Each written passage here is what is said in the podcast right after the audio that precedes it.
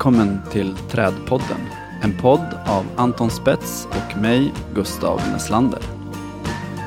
I dagens avsnitt träffar vi Edith Stormvalter och pratar om täta trädplanteringar. Det här är Trädpodden, en podd om relationen mellan människor och träd.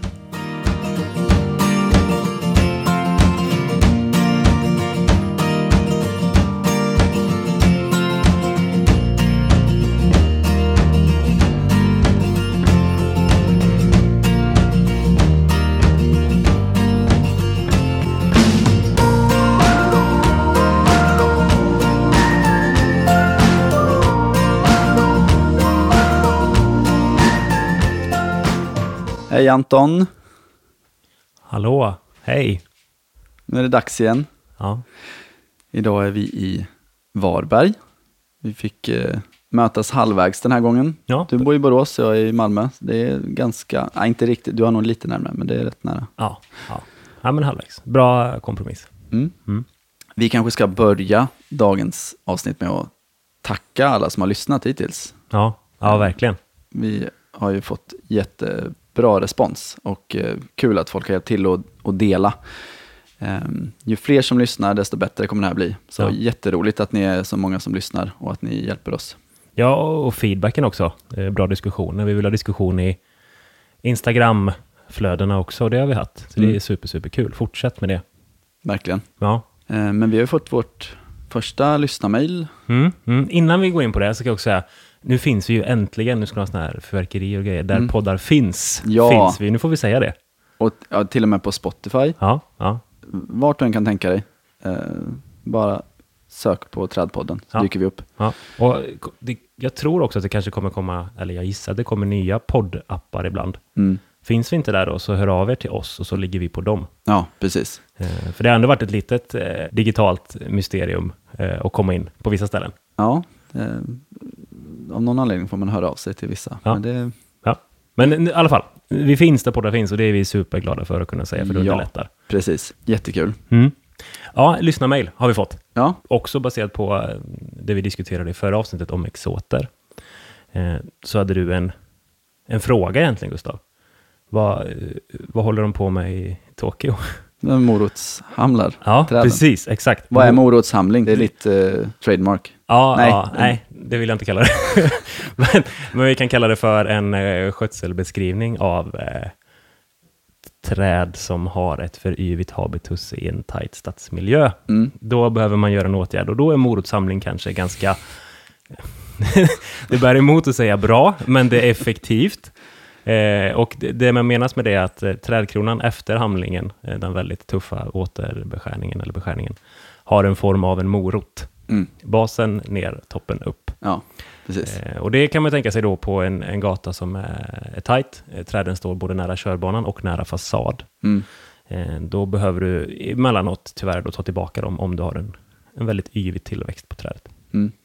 Och det gör de i Tokyo, hade du tittat? Ja, när jag var i Tokyo så, som jag sa i förra avsnittet, så framförallt, eh, det är ju ginkgo på nästan alla Mm. eh, gågator och, och eh, alltså allé längs med alla boulevarder och så vidare. Och eh, samtliga är ju, ja, med svenska ögon så ser det ut som att de är stympade. De Ja. är ju hårt, hårt inklippta. Ja, och det var lite så här, det var lite undrande över. Eh, och då har vi haft en uppmärksam lyssnare som heter Simon, som hörde av sig eh, via mail till tradpodden.gmail.com.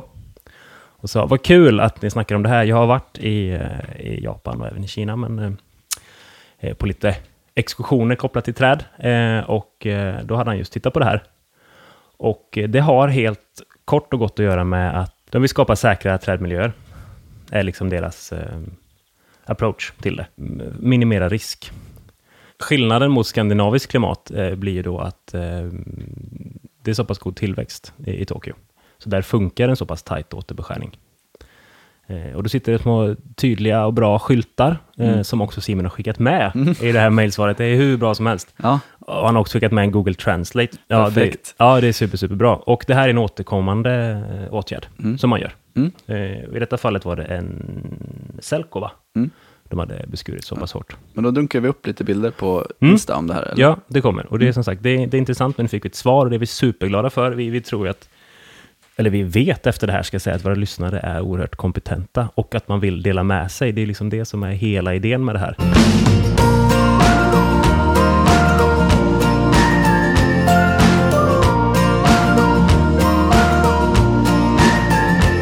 Men du, Anton. Ja, Här är vi ju ett sånt här sommarstugeområde. Jag har en liten spaning. okej. Eh, förra helgen var jag också i en annan sommarstuga i en annan del av Sverige. Och både här och där har jag sett sommargäster komma med bilar som är fullproppade med växter. Mhm. Tror du det är så att det är vanligare att man tar med växter till sommarstugan? Du menar vanligare nowadays? Mm, jag tänker så här. Förr så hade man plastblommor.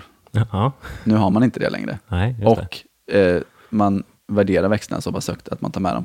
Det kanske till och med är så att vissa har växter hemma som de håller så kära att de vågar inte låta grannen eh, vattna dem, utan de bara känner att den här, den här är så betydelsefull för mig så att den, den tar jag med vart jag än går, precis likt ett husdjur. Ja, men har du sett någon eh, dra med sig hela växthuset då? För det känner jag lite Nej. dålig, lite klump i magen nu när vi är iväg på eh, en långhelg här med lite ledigt och en klämdag och grejer. Och så kommer värmen, det är oerhört varmt idag. Mm. Eh, och så har man lite, lite ångest så att man inte är hemma och vattnar. Och kolen kanske tar stryk, nu kanske larverna kommer och är inte där och kan spruta något på dem. Det, det har du inte sett? Inga växthus på släpp? Nej, nej, Nej. inte än. Nej. Men eh, vem vet? Visst. Men jag såg faktiskt en bil som var fullproppad med typ pluggplantor. Alltså så här, tomat, sallad. Oj. Så då är det nog någon som har ett växthus på sommar, i sommarstugan, Ja, tänker jag. ja. Och eh, bara kringar med sig hela frösådden. Ja, just det. Och vi såg ju en bil igår, det var nog mer, tyckte jag var något fikonträd, va? Som någon hade med sig. Och det är, väl- det är väl också en trendspaning, jag har hört det i lite andra poddar också, just att för 15 år sedan så började inredningstrenden poppa.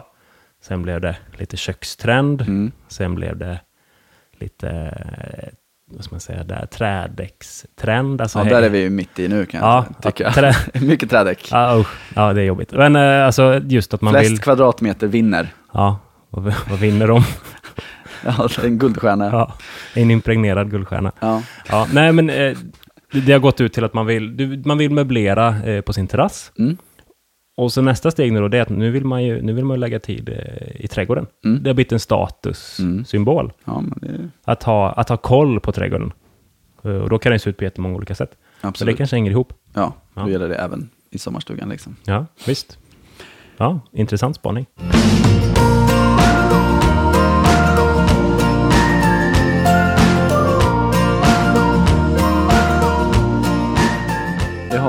Varmt Ja, och torrt förra sommaren. ja, Och jag har hört mycket snackas på radio om dem. Eh, både ökad blomning och Ja. ökad frösättning. precis. Ja, Jesus navelludd fastnade jag lite för. Ja.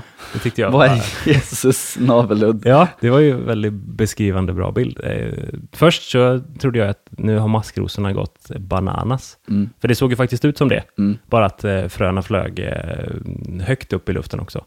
Men det är ju aspen. Ja, jag har, kan ju säga, jag har knappt sett det här. Nej, För i Malmö finns det typ ingen asp. nej, Ja, det finns aspar, men det, är- Ja. de är liksom inte så mångtaliga. nej. För det intressanta, det, det, känns som det har ändå varit ganska genomgående för hela landet. Mm. Det hördes på riksradio, Mm. eh, många olika diskussioner på olika forum. Stora tidningar hade ju eh, sådana videoklipp när man tände eld på det.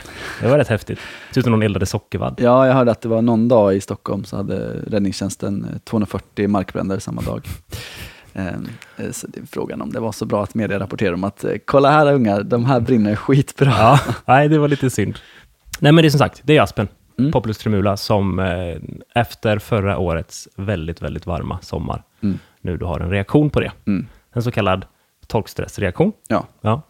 Och då sätter den oerhört mycket frön. Mm. Det är väl lite så här, jag kanske dör i år, Ja. så det är lika bra att jag Precis. eh, förökar mig så mycket det går. Ja, ja exakt. Ehm, Och det, har också, jag har lite mindre trädplantor stående hemma i, i krukor.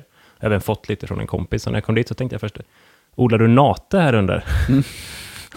under eh, trädplantan här, under eh, Kentucky-kaffeträdet som Ja. jag fick av honom. Nej, nej, nej, det är aspen som står runt hörnet.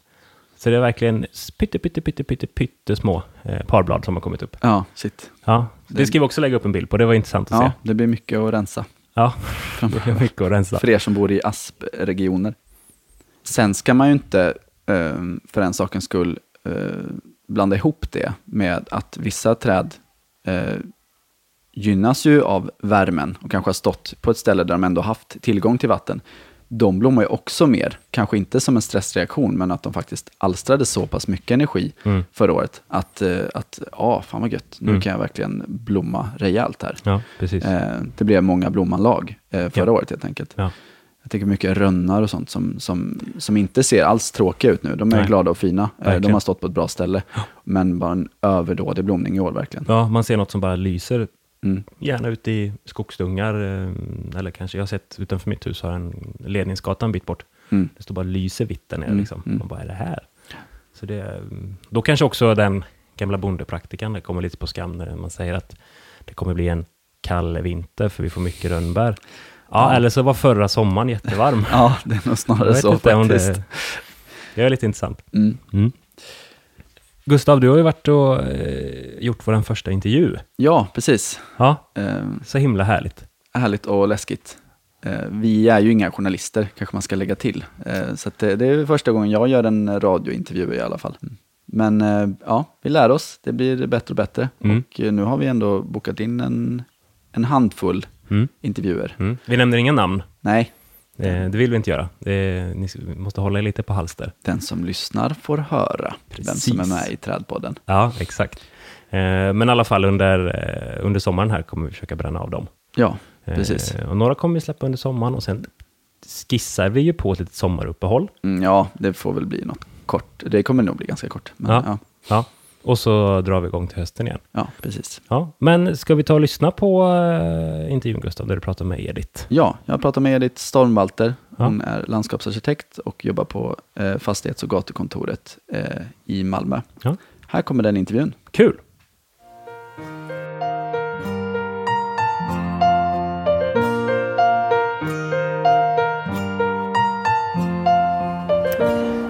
Så, då står vi här på Industrigatan i Malmö. Och med mig idag har jag Edith Stormvalter som ska ställa upp på en intervju här. Eh, hej Edith, Hej, hur är läget? det är bra tack. Ja. Hur är det själv? Det är, det är mycket bra. Det är både sol och regn på samma gång. Lite Ja. märkligt, men eh, ja, trevligt ändå. Eh, Du jobbar i, på, på Malmö stad Det stämmer. Mm. På fastighets och gatukontoret. och där jobbar du som Landskapsarkitekt.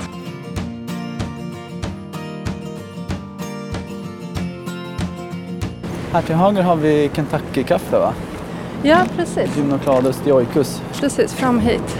Eh, ser inte mycket ut för världen just nu, men eh, kommer ju att bli fantastiska här så småningom. Ja, de är inte så roliga innan de har slagit ut faktiskt.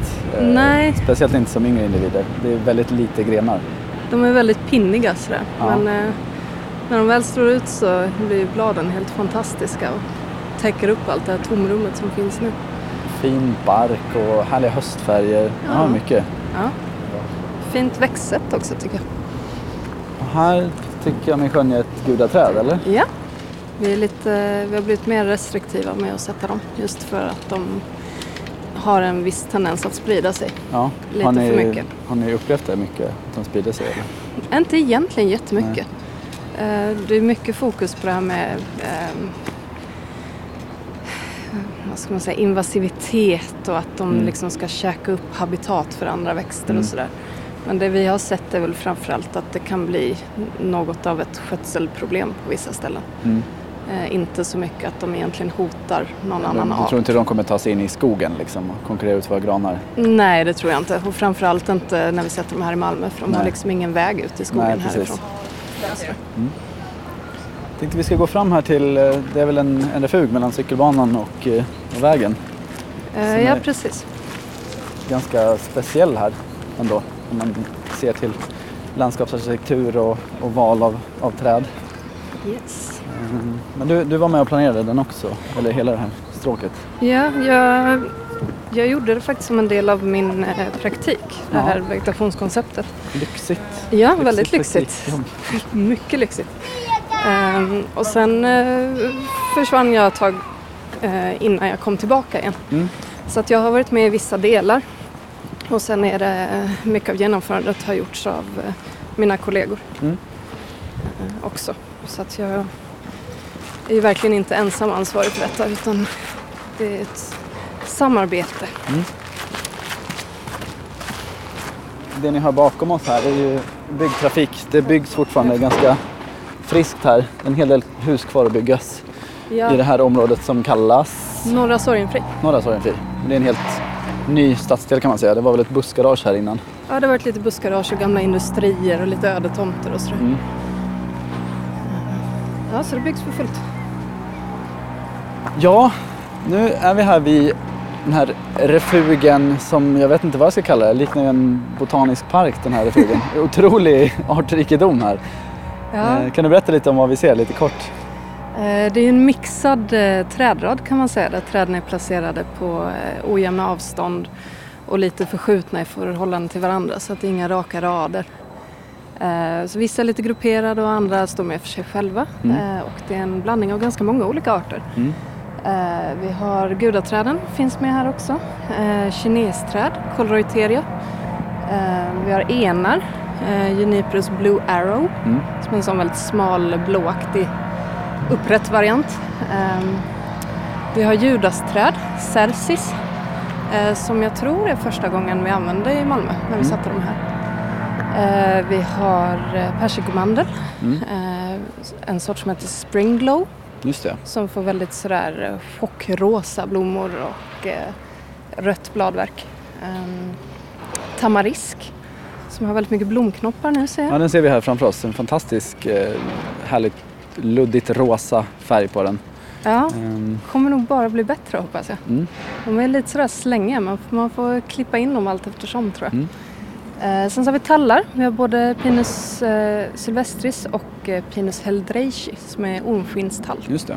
Eh, och det är de mindre här. Mm. Eh, sen har vi ginkgo eh, och sen längre fram så har vi ekar. Både Quercus serris och Quercus frainetto. Det fantasin flödar hur det kommer se ut här om eh, säg 30-40 år. Tror du alla de här individerna kommer stå kvar då eller hur tänker du dig? Eh, jag hoppas, men eh, det är också lite tanken med att sätta sådana här blandade trädrader är att om det skulle hända någonting, att det till exempel kommer trädsjukdom att, att som liksom gör att någon av arterna dör bort så finns det fortfarande en, ett stabil stomme Mm. eh, av träd som finns kvar och kan fortsätta att växa och bli fina. Eh, Ja, men jättehäftigt det här alltså. Industrigatan i Malmö. Eh, har ni vägarna förbi så åk hit och titta på det här. Det är verkligen en unik trädplantering tycker jag. Mm. Eh, då tänker jag att eh, vi går in igen och fortsätter intervjun.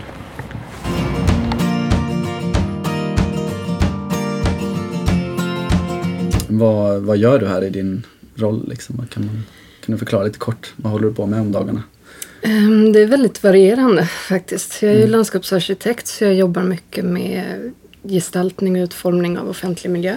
Ehm, Men det kan vara allt möjligt. Det är allt från parker till lekplatser till torg, eh, dagvattenmagasin, Mm. planteringar. Ehm, Ja. Så i vissa projekt är jag projektledare och då är det jag som styr och genomför projektet och i andra projekt så är jag med eh, som projektmedlem Mm. på just de gestaltnings och växtbitarna. Den här podden undersöker ju, eller vi vill i alla fall undersöka människors förhållande till träd. Eh, kanske framförallt den moderna människans förhållande till träd. Ehm, och ur den synvinkeln så tänkte jag fråga dig om det är om det finns någon speciell trädindivid, alltså inte en art utan en, en speciell individ som har betytt extra mycket för dig. Eh, det kan vara ett barndomsminne eller, eh, eller något, mm, av någon annan led, anledning än, än, än eh, ett speciellt träd för dig. Um, egentligen inte så mycket individer faktiskt. Um, jag kommer ihåg ganska detaljerat träd från min barndom och sådär. Hur man klättrade i träd och Mm. liksom rev sig på dem och smakade på dem och luktade på dem. Och sådär. Så jag har väldigt tydliga minnen av syrenen på, i Åkarp där vi bodde när jag var Mm. liten. Eller granen som mina föräldrar högg ner sen. Eller sådär. Men det, jag tycker de starkaste minnen jag har, eller jag tror det som har påverkat mig mest är egentligen minnen av träd som bestånd. Mm. Ehm, som farfars bokskog till exempel. Ja. Ehm, som är en bokskog som ligger eh, utanför Veberöd. Heter den farfars bokskog? Eller Nej, din, din det, farfars det var min bokskog? farfar bodde där. Mm. Eh, Så det var alltid från att jag var jätte, jätteliten så vi alltid åkt dit och så har vi gått till farfars bokskog. Ehm, och det är så här klassisk pelarsal liksom med grå stammar och grönt tak och vitsippor på Mm. Ja, våren. jag kan så. verkligen se det framför mig. Ja. Eh, och det, det vet jag, det var en av mina liksom... Under hela min uppväxt så har jag alltid tänkt på den platsen som att det, det är liksom den finaste platsen Mm. som finns. Sådär. Visste Men- du att det var en bok när du var barn? Mm, för jag tror vi kallar det för farfars bokskog nämligen. Så Mm. Ja. jag tror det bara kom av sig självt. Så redan där började växtkännedomen kan man säga. ja, min mamma var ganska intresserad av växter och så också. Sen så Mm. när jag var intresserad som liten så lärde hon mig liksom vad, vad det var för träd och sådär. Mm. Um, sen ett annat sånt starkt minne är, eh, vi bodde i Forsbacka ett tag som ligger utanför Gävle. Mm. Eh, och där var det mycket sån här produktionsskog av gran. Eh, men jag red mycket då, eh, hade häst. Så det, det är också sånt här minne att, rida i den här täta granskogen och att det nästan inte låter alls. För att det är så dämpande med den här mattan av barr på marken. Och, Eh, Alla- Är det en sån här riktigt mörk eh, Ja, riktigt granskog? mörk, riktigt tät. Alla träd är exakt lika stora. Och, Men ändå väldigt, ja, väldigt härligt att vara där och rida där. Och hur kommer det sig då att du, du ändå jobbar med träd idag? Det kan man ändå säga att du jobbar kanske framförallt med träd. Jag har i alla fall, jag förknippar dig gärna med, med ditt trädintresse. Det, det, det jag helst vill jobba med, om Ja. inte annat. Eh, Jag jobbar väl inte allt möjligt, men, men jag jobbar ju mycket med träd. Mm. Ehm, det känns som att det, som sagt, det har ju funnits hela tiden med. Att jag liksom har alltid lagt märke till träd.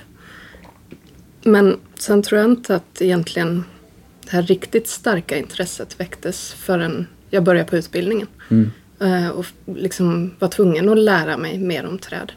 Det var som att det liksom satte igång någonting som bara eskalerade sen. Eh, Hur tror du att människors förhållande till träd har förändrats eh, den senaste tiden? Det är lite luddigt uttryckt. Men, eh, ehm, Mm, det, beror, det beror ju mycket på vad man har för tidsaspekt Mm. i åtanke. Det jag har tänkt mycket på innan är väl att det känns som att vi nu har börjat se på träd som någonting vi måste skydda. mm, Eh, som någonting lite skört och lite känsligt. Alltså naturen och träden. Medan jag tror att man förr i världen tog det lite mer för givet att skogen alltid finns där och att nästan tvärtom att naturen är stor och farlig och man försökte liksom hävda sig mot naturen och skapa sin egen lilla täppa där det var öppet eller där det var hårdgjort.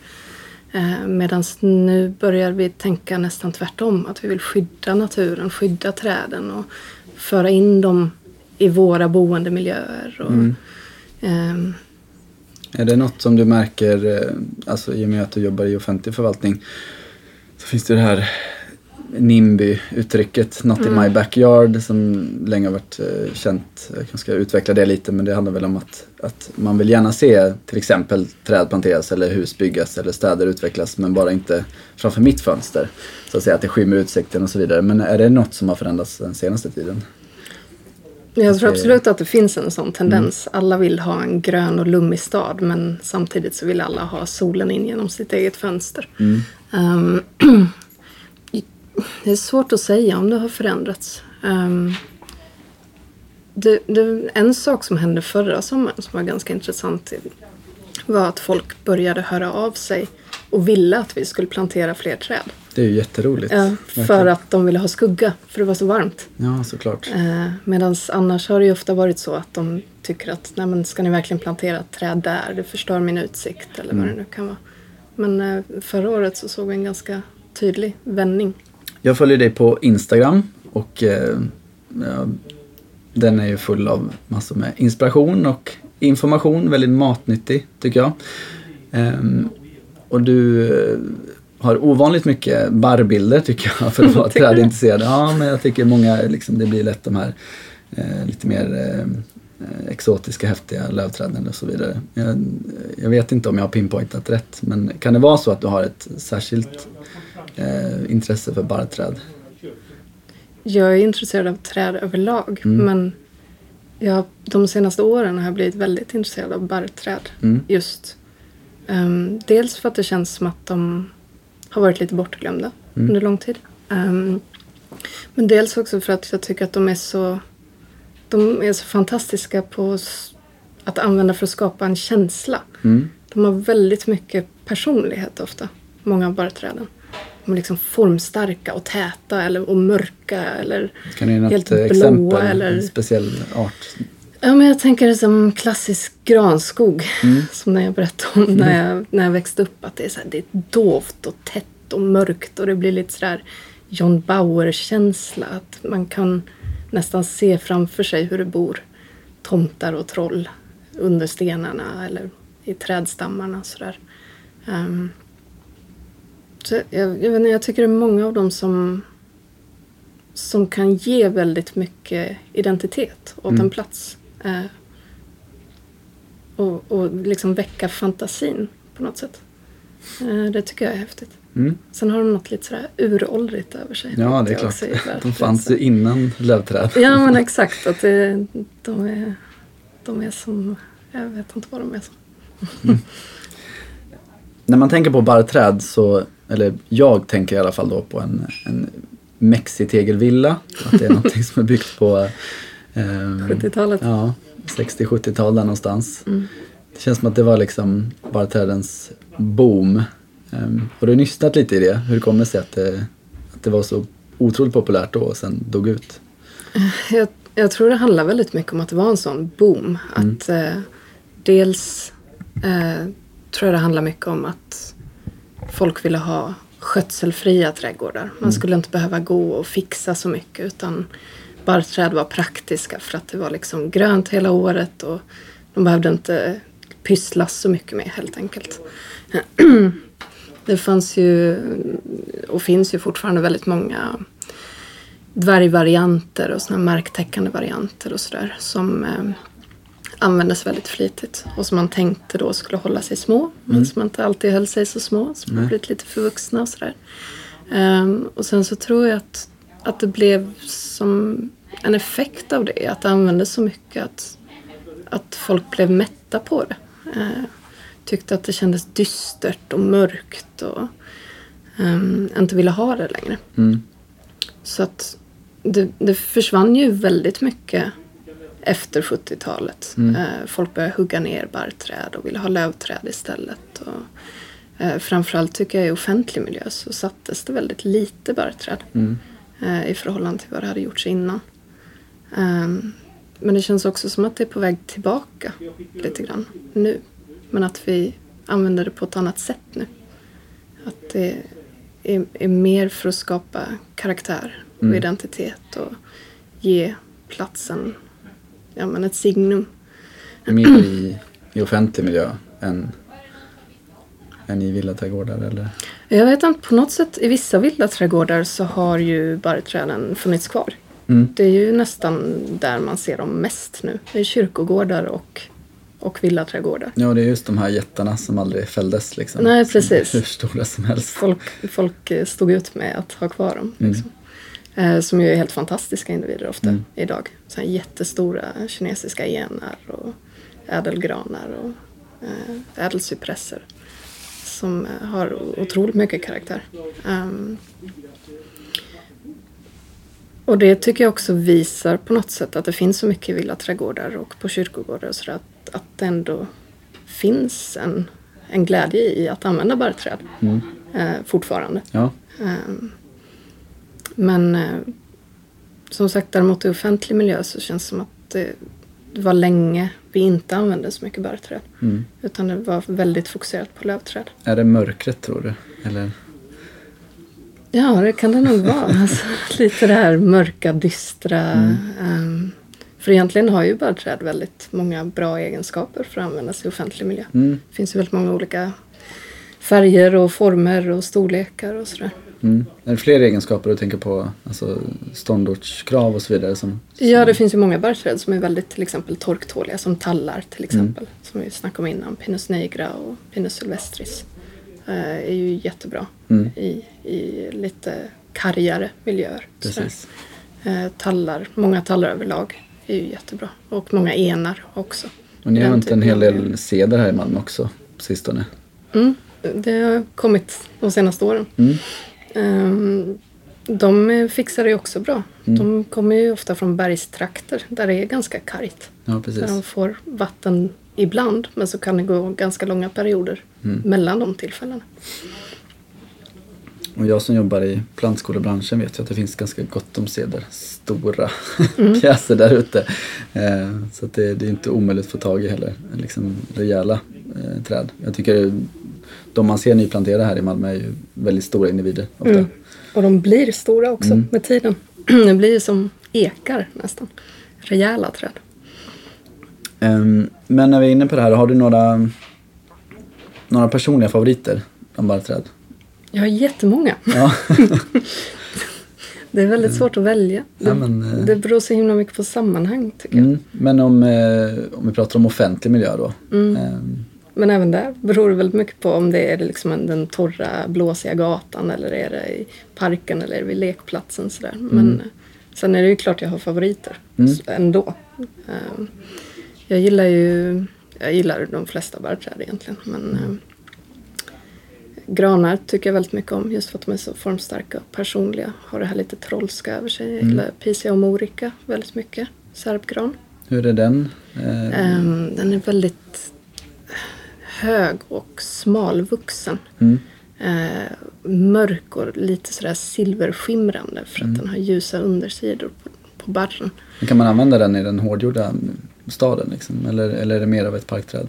Den är väldigt torktålig för att vara en gran. Eh, generellt är ju granar kanske inte det bästa valet för hårdgjord miljö. Men Nej, jag såna- tänker just rödgran är väl rätt så känslig. Liksom. Ja, ja, absolut. Så den hade jag absolut inte rekommenderat för Mm. hårdgjord miljö. Men eh, serpgran är ju en av de tuffare. Mm. Så det tycker jag absolut att man kan försöka sig på. Sen däremot så kanske man får fundera på läget och inte sätta dem där det är som absolut soligast och blåsigast. Nej. Utan kanske försöka hitta ett ställe som får lite skugga till Mm. exempel. Hur känner man lättast igen en, en serbgran på håll? På, på habitus, på hur de växer. Att Mm. de är så väldigt smala och höga ofta. De är nästan som nålar som Ja. sticker upp. Ja, Vad roligt. Eh, men ja, det finns ju många andra favoriter också. Jag vet inte hur många jag ska dra.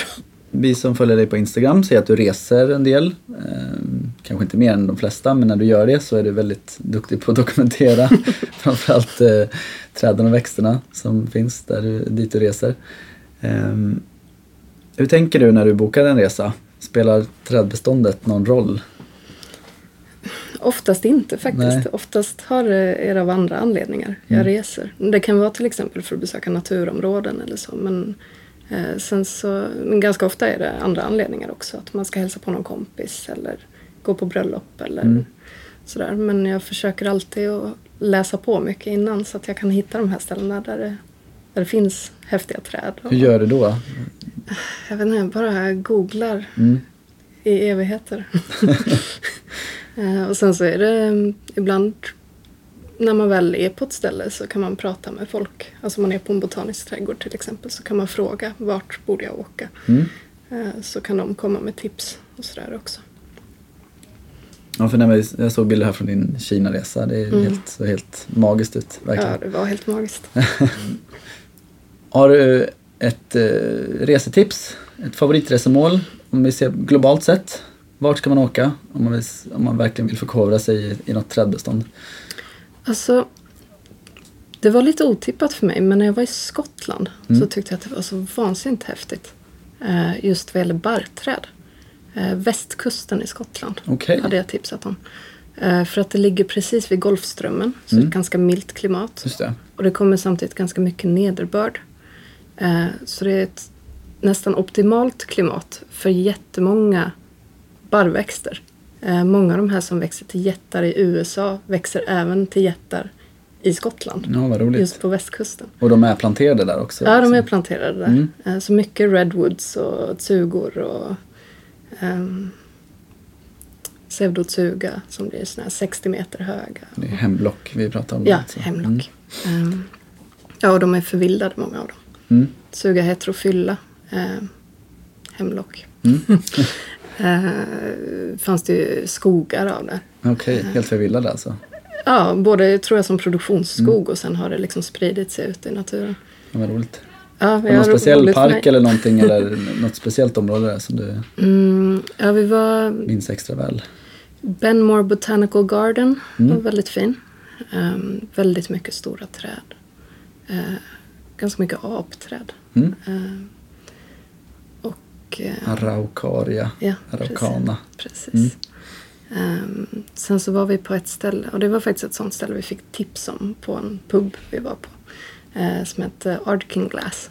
eh, som var en park där de hade såna här många rekordträd. Sån eh, Abies alba, Mm. heter det vitgran? Ja, det jag vet inte. Nej, Vi säger ABS Alba. en Abies alba som var helt enormt stor. Mm. Sådär så att man kände sig som en myra i jämförelse. Eh, som var en av de största trädindividerna i Europa, tror jag. Eh, så det var väldigt häftigt. Ja, roligt. Varmt rekommendera. Och om du ser till Sverige, om man ska åka så långt. Nu är Skottland jättelångt bort, men i Sverige har du något favoritresemål? Um, om du ska tipsa om någon särskild plats. Du måste inte avslöja ditt allra hemligaste smultronställe, men, men eh, något som, är, som du ändå tycker att man bör se om man är intresserad av träd. Alltså på ett sätt egentligen inte. Nej. Utan för mig i Sverige har det handlat mer om att besöka platser många gånger. Mm. Eh, Som Alnarpsparken är en sån plats till exempel. Där jag gick dagligen under min utbildning men som jag fortfarande ofta åker till. Ja, det, man har nästan inte så mycket nytta av att bara vara där en gång. Det är bara Nej. förvirrande. Man måste dit ofta. Ja precis och även om man har varit där hundratals gånger så varje gång jag kommer dit så upptäcker jag ändå någonting nytt Mm. tycker jag. Eller jag ser träden på ett annat sätt. Mm. Eh, Så det är en fantastisk plats eh, att åka till många gånger. Mm. Um, Göteborgs botaniska trädgård är ju också helt fantastisk Mm. såklart. En, eh, ja.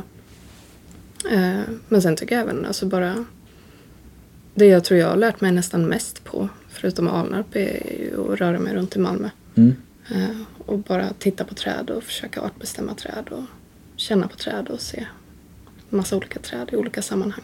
Det gäller ju egentligen oavsett var man bor. Att man, Ja, absolut. man kan hitta sånt, mång, eller sån, liksom, sån artmångfald om man bara lär sig att särskilja individerna och, eller arterna. Så att, eh, Ja, jag tror ju, ju mer man går runt och tittar desto mer ser man också. mm. Ja, verkligen.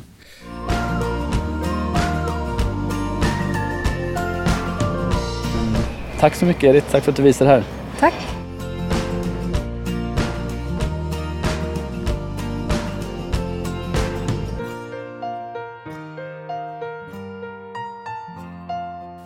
Vilken, vad bra det var, Gustav. Vad glad jag blir. Ja, tycker du? Ja. Tack. Ja.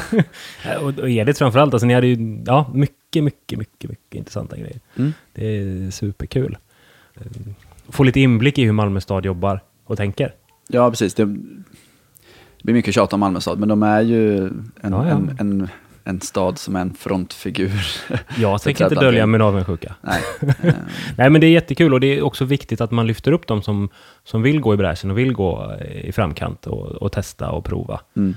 Eh, och det är ju faktiskt så att man måste ju lyfta upp och visa sina försök och sen får man ju återkomma och säga vad funkar, vad funkar inte? Mm. Och så kan andra städer lära sig. Precis. Det, alla måste dela med sig. Det är hela idén. Vi får ju komplettera med bilder här från Industrigatan. Men Ja. det är alltså en extremt tätt planterat. Eh, både bilar och cyklister får akta på sig kan man säga. Ehm, och eh, framförallt är det ju spännande att man har valt att göra det som en, en blandallé, eller vad man ska kalla det, en blandplantering. Ja. Ehm, då återkommer vi till det där som jag pratat om i tidigare avsnitt, att man inte vill ha alla ägg i samma korg. Precis. Och här blandar man ju inte då bara fem sorters lövträd, utan man har inne barr också. Och man har inne låga Ja, buskträd. mm, Tamarisken är väl Precis. något att beskriva åt det hållet. ja. Ehm, ja. Det var också intressant. Jag tänker lite på det vi pratade i eh, förra avsnittet, återigen en återkoppling där, när vi pratade om gudaträdet. ja. Eh, att, ehm, det finns vissa varningsklockor och nu har ju Malmö tagit ansvar då och säger att man har, har tillfälligt stoppat Ja, planteringen precis. av gudaträd. Kan jag tycka är bra om man får lägga in en Ja. åsikt. Ja. Som sagt, jag ser den dyka upp lite här och var. Ja. Men det, det är ansvarsfullt. Samtidigt så sa vi faktiskt att vi gillade trädet och det, det gör vi ju. ja. Eh, men som sagt, eh, om det är det trädet som utmärker sig att vara det mest eh, invasiva eh, Mm. när vi tittar neråt, eh, framförallt Medelhavet, Ja. så är det dags nu att, man, att vi svarar upp. Ja, Ja. precis. Ja. Vi tog även upp ett annat träd lite kort där, kinesträd som de har planterat just där på Industrigatan. Ja. Eh, Den har vi inte pratat så mycket om innan, så jag tänkte det kanske är värt en liten presentation. Mm. Kinesträdet var alltså eh, otroligt svårt att stava till vad det heter på latin, men jag uttalar det i alla fall som Kelrevteria paniculata. Eh, vissa säger Coelreuteria, eh, mer eh, som det stavas. Ehm, men ehm, Tung, tungvrickarträdet. Ja, precis. Det är ett Ja. litet träd. Eh, här är ett zon 1 till, ja, vem vet, fyra kanske. Eh, inte provat eh, så högt, men eh, funkar i utsatta lägen i Stockholm i alla fall som är zon 3. Så att, eh, Jag har faktiskt en liten ettåring stående utanför trädet alltså. mm. utanför mitt växthus hemma. Ja, spännande. Ja, så vi får se vart det hamnar.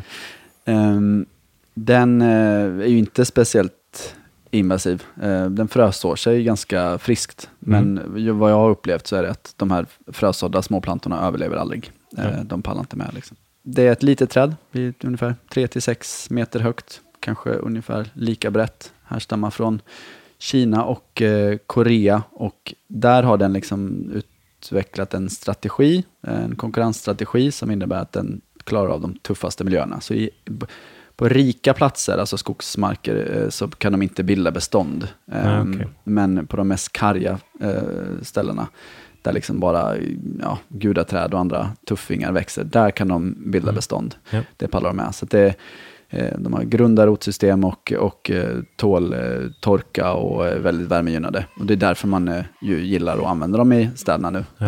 Den, check, den checkar ju viktiga boxar där för stadsmiljö. Ja, Mm. verkligen. Ja. Och sen ska man inte glömma bort blomningen som är ganska roligt. Att I och med att den ändå härstammar från lite sydligare breddgrader så, så eh, i svensk klimat så blommar den först i september ofta. Ah. Eller augusti-september. Eh, rik eh, gul blomning, superfint verkligen. Eh, och eh, eh, det gynnar ju de här lite mer segdragna eh, pollinatörerna Mm. Som, som kan få hålla på lite längre. Precis Ja. som vissa lindar som blommar väldigt sent. Jag tycker det är underskattat. Man ska verkligen tänka på det. Att man förlänger eh, eh, blomningssäsongen hos träd. Så att, så att man, ja, man varierar sig så att det finns träd som blommar eh, även på sensommaren. Ja, det är helt rätt. Tänk att få den... Det blir som en föråkare till höstfärgerna, Ja, fast den blommar. Det är lite ju så, ja. superläckert. och sen är de här jättefina frukterna som hänger kvar hela vintern och ser ut som, ja, vad ska man kalla det, lyktor eller, ja, det ser väldigt japanskt ut. Häftigt. Mm. Schysst. Eh, Jag tycker också, eh, Edith tog upp en jätteintressant grej som jag verkligen också skriver under på. Det är det att göra återbesök på platser Mm. om man vill bli duktigare på, på växtkunskap. Ja, Det är verkligen, eh, det tror jag alla säger som har eh, studerat eh, det vi har studerat mm. och fått gå i Alnarpsparken. Nu hyllar vi Alnarpsparken till skyarna här, men det är lyxigt att ha ett klassrum på 21 hektar. Mm. Eh, och det behöver man verkligen gå och titta. ja. Eh, ja, men nu ska jag lära mig vinterhabitus. Ja, ah, okej, samma träd ser ut så här. Mm. Bladutspring, eh, blomning, Ja. höstfärger. Men precis samma sak kan man göra hemma i sin egen eh, stad där Exakt. man bor. Exakt. Oavsett var du bor så, så finns det en artrikedom. Så Ja. är det. Det, det finns ingen stad som bara har ett trädslag. Nej. Fast man kanske ibland kan känna så. Alltså. Men om man väl eh, Ja. eh, ser sig omkring ordentligt så, så absolut finns det mycket att, att, att lära sig och titta på. Mm, ja, precis. Och, eh, vadå? Du går ut och går med hunden. Mm. Ja, lyft blicken och kika in i trädgården. Vad står det där? Jaha, nu ser det här trädet ut så här. Ja, precis. Eller och, och har du kommit, och har du bott på ett ställe några år och bara oj, vad, vad björken kastar löven tidigt i år. Varför Mm. gör den det? Mm. Precis. Intresset liksom bara byggs upp. Ja. Men eh, grundbulten där är just att, att återkomma till en, en plats. Ehm, och för min del så blir det också ganska enkelt. Alltså den metoden blir ganska enkel att lära sig nya arter. Har vi ett projekt där vi sätter in en art som kanske är ny för, för vår stad. Mm. Eh, då vet jag ju att ja, men på den gatan, ja, men där står den individen. Mm.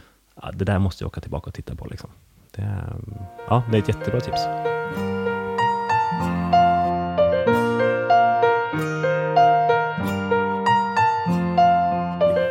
Gustav, vi var ju inne, vi var inne tidigt på, i det här avsnittet på eh, den förra sommaren 2018 som var så varm. Mm. Där tyckte jag eh, Edith lyfte en väldigt intressant sak. Att Malmö stad fick samtal från, eh, från medborgare som sa att kan ni komma och plantera mer träd här? Vi vill ha mer skugga. Ja, precis. Det är ju liksom, jag slog ju frivolter här nästan, när jag hörde det. Ja, men åker man ner på sydligare breddgrader så eh, absolut, då, då vill ju folk ha en trädkrona utanför fönstret. Ja, det är ja. ju superbra. Ja. Billigare. eh, Och jag märkte samma sak, alltså, sommaren kom också ganska tidigt förra året. Uteserveringarna slog upp portarna och bara yes, nu Mm. börjar säsongen i slutet på april, början på maj.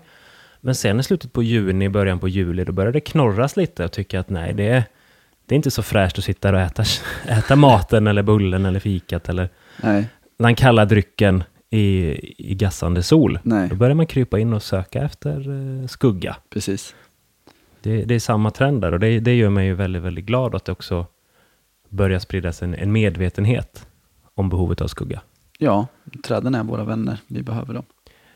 Förra avsnittet Gustav så hade jag ju ett, eh, ett boktips. Nu är det din tur.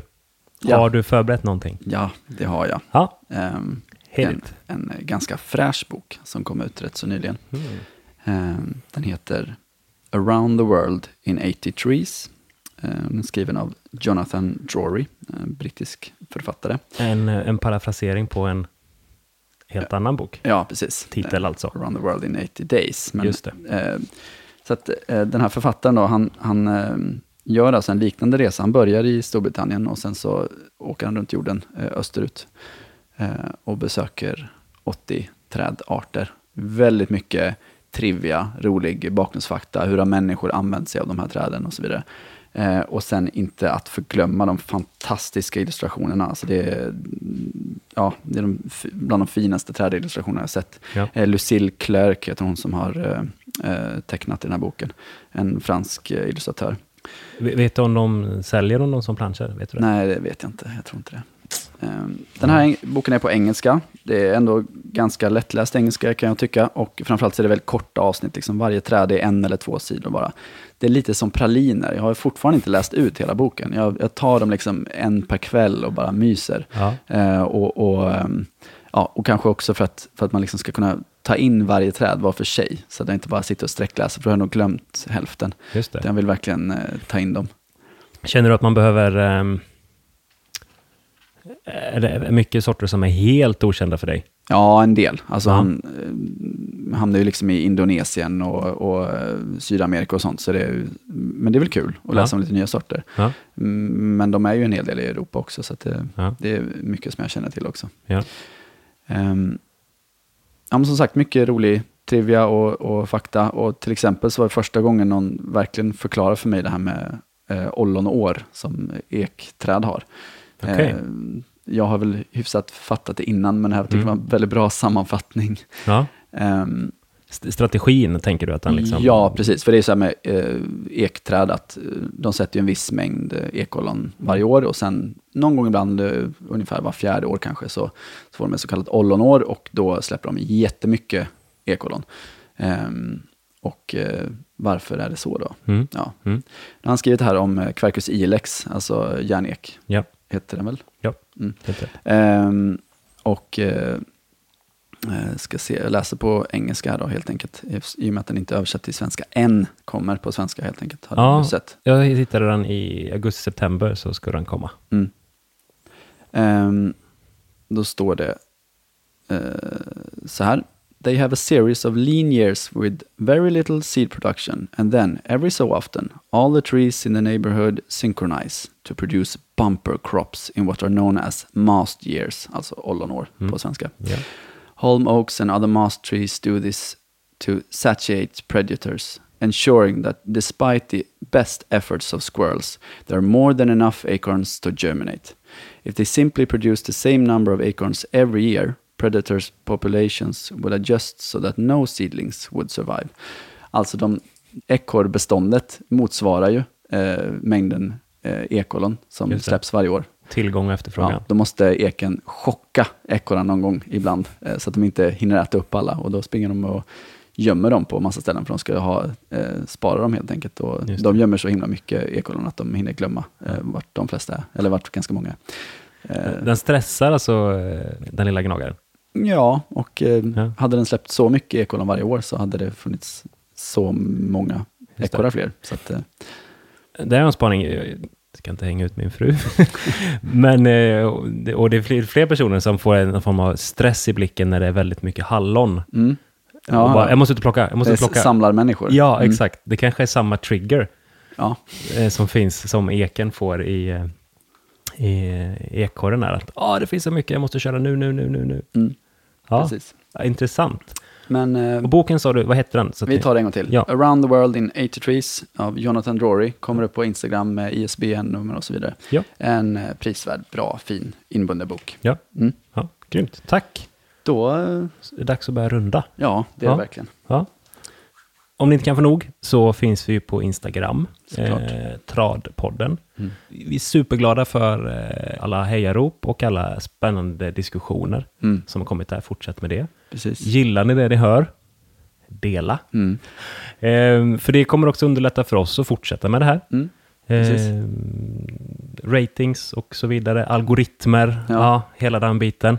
Då sprider det sig. Ja. Eh, Magnus, som hjälper oss med Ja. tekniken. Vi ska tacka Magnus Ågren på Flow Music i Malmö som har hjälpt oss med tekniken och även står för gingen här i början. Just det. Precis, det är super. Den är catchy, tycker vi. Mm. Hoppas ni känner samma sak. Eh, om två veckor är vi tillbaks. Mm. Eh, vi kör söndagar nu, Ja, släpper precis. vi nytt. Kul! Tack för att ni lyssnade. Ha det så fint. Vi hörs. Hej då! Hej då!